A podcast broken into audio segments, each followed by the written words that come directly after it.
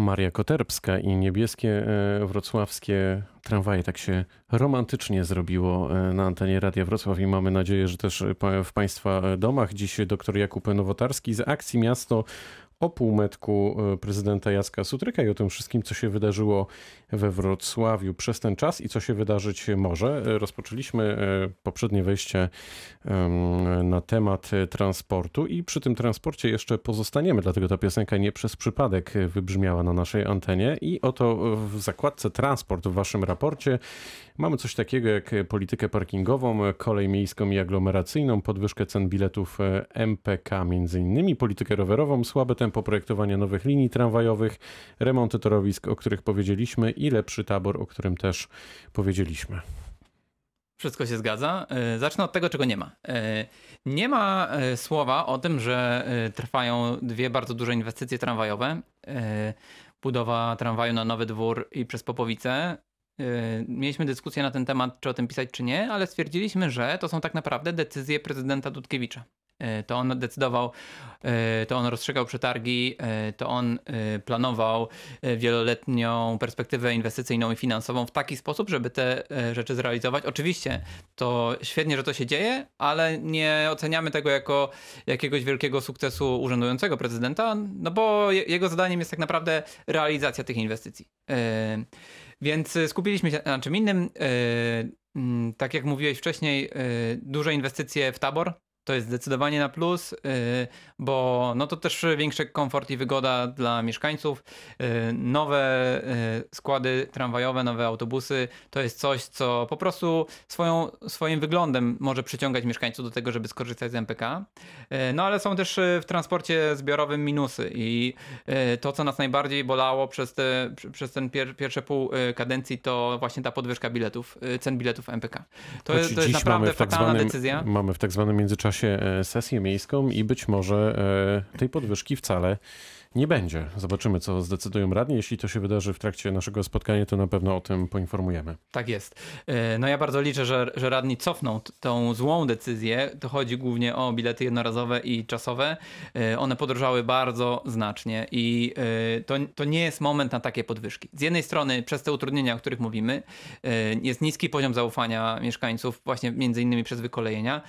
Z drugiej strony mamy pandemię, więc ludzie z natury boją się wsiadać do transportu zbiorowego, trzeba im pomagać, trzeba ich zachęcać do tego, a nie jeszcze odstraszać e, cenami biletów. 4 zł 60 groszy za bilet jednorazowy e, to jest bardzo dużo, więc dla kogoś, kto, dla, dla, dla pary osób, która chce e, z osiedla dojechać do centrum i z powrotem, prawie 20 zł za taką wycieczkę, no to się robi absurdalna kwota tak naprawdę.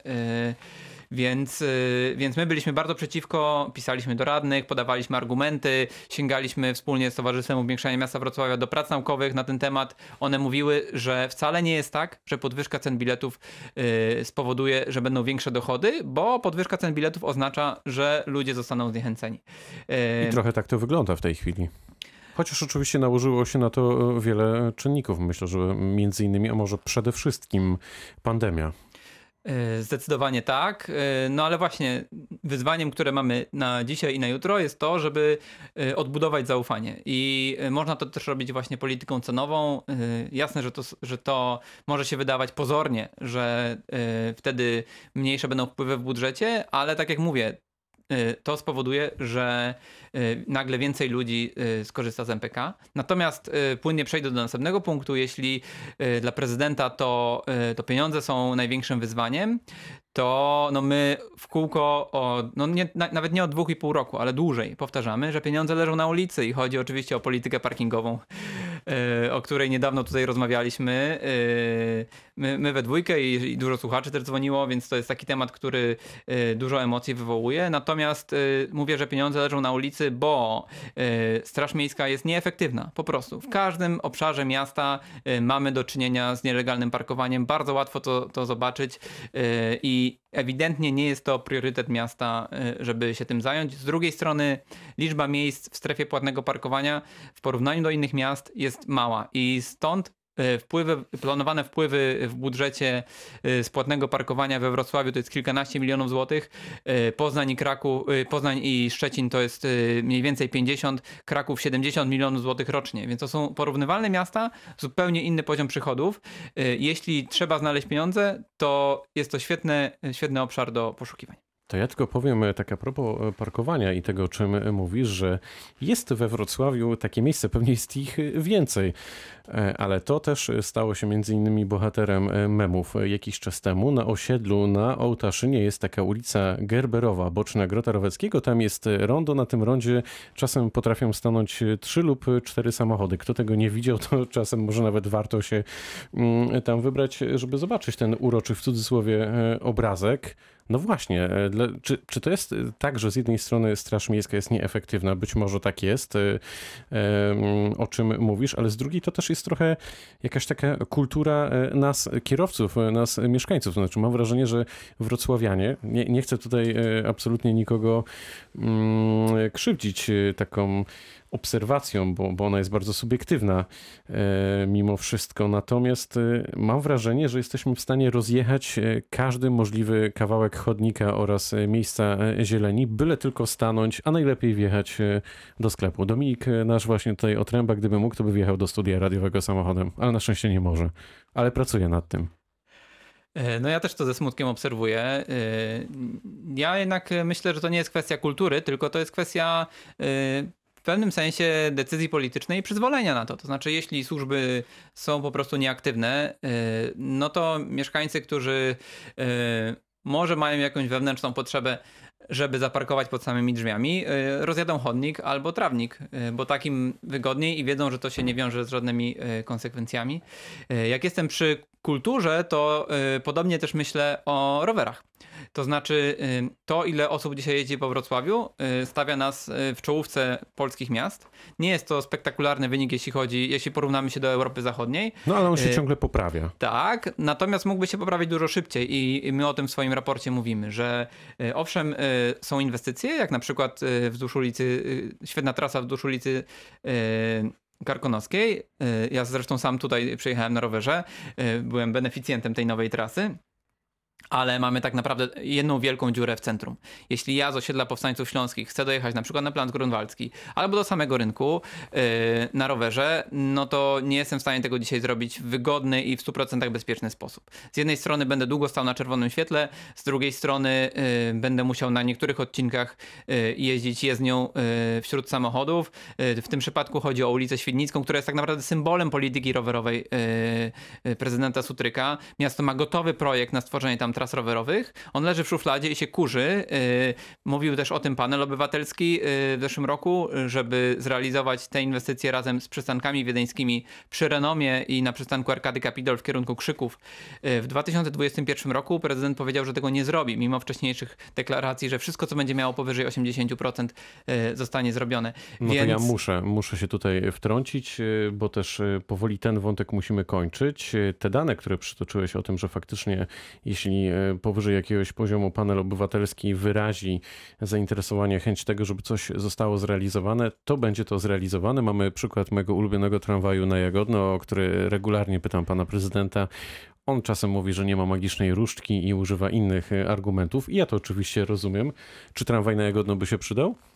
E, oczywiście, tak samo na Ołtaszyn, więc e, to rondo, o którym mówiłeś, że tam trzy, trzy zaparkowane samochody e, w jakimś miejscu, to są tak naprawdę bezpośrednie konsekwencje tego, że mieszkańcy tych osiedli nie mają alternatywy. Y, są skazani na samochody, y, bo tak ktoś zaprojektował tą przestrzeń, że najpierw y, sprzedajemy działki deweloperom, oni wyciskają ile się z tego da, a potem jest drapanie się po głowie albo na przykład argumenty urzędników, nie, nie, nie, tu jeszcze mieszka za mało ludzi, a dokładnie z tym mieliśmy do czynienia w przypadku Jagodna i linia tramwajowa, która była na wizualizacjach tych sprzedawanych mieszkań, nagle nie powstaje z niezrozumiałych przyczyn. Za to się powstaje ciągnie... tam mnóstwo bloków, naprawdę tempo tak. jest niesamowite, polecam film na Radio Wrocław.pl do odszukania jagodno e, z lotu ptaka, konkretnie z naszego radiowego e, drona, no robi to niesamowite wrażenie. Myślę, że gdyby 25% mieszkańców nagle wyjechało tam e, na ulicę buforową, no to wszyscy by stali w jednym ogromnym e, korku. No właśnie, a gdyby, gdyby jeździł szybki tramwaj do centrum, to pewnie sytuacja byłaby zupełnie inna. I... Chociaż miasto też e, planuje tutaj e, puszczenie linii autobusowej, jakichś szybszych autobusów, czegoś na ten, mhm. na ten wzór. No właśnie, mimo tych rekomendacji panelu, który jednoznacznie wypowiedział się za tym, że tam ma być tramwaj, 99% panelistów powiedziało, że tramwaj, więc no, absolutnie przytłaczający, przytłaczający wynik głosowania. No to miasto mówi, że nie, my zrobimy autobus i z jednej strony to jest zrozumiałe, bo Ale rzeczywiście... Też, też będziemy tutaj sobie pewnie wchodzić w słowo. Trzeba e, uczciwie przyznać, że ewentualna trasa tramwajowa przecinałaby trasę e, kolejową, to z kolei nie jest e, już osiągnięcie w cudzysłowie obecnego pana prezydenta, tylko prezydenta Rafała Dudkiewicza, którego i jego raczej urzędników, którego chyba których zaskoczyło to, że tam nagle wyrosła ta e, trasa kolejowa, chociaż ona jest, e, istnieje tam od czasów e, przedwojennych, tak, tak, tak mhm. sobie myślę, więc łatwo było to przewidzieć, że tam będzie taka kolizja, mhm. można było pewnie wbudować wiadukt, jest pewnie mnóstwo rozwiązań. No ten wiadukt już jest, to jest bardzo, bardzo istotne, natomiast ta linia kolejowa, która właśnie jest pod koniec remontu, ona będzie problemem głównie dla kierowców tak naprawdę, bo nagle okaże się, że tam 20, 20 rady w ciągu doby będzie zamykany przejazd, bo musi przejechać pociąg, E, tak jak mówię, akurat nad ulicą Buforową jest gotowy wiadukt i to można puścić górą, e, no ale oczywiście cała reszta tej linii musi iść wtedy na nasypie.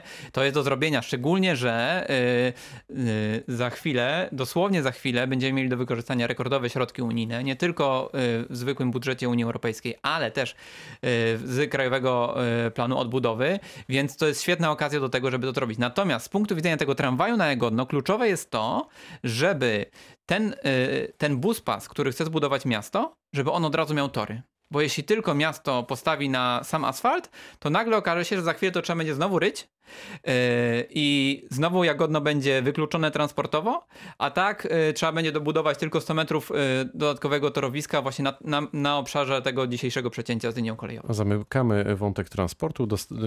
To wątek transportu to ocena dostateczna, jeden krok do przodu, dwa do tyłu, to cytat z tego raportu. Ciężko uznać, że przy takiej polity polityce korki kiedyś znikną, bo zachęty dla mieszkańców do korzystania z innych środków transportu są zwyczajnie za słabe. Czy chciałbyś coś jeszcze dodać tutaj jednym zdaniem?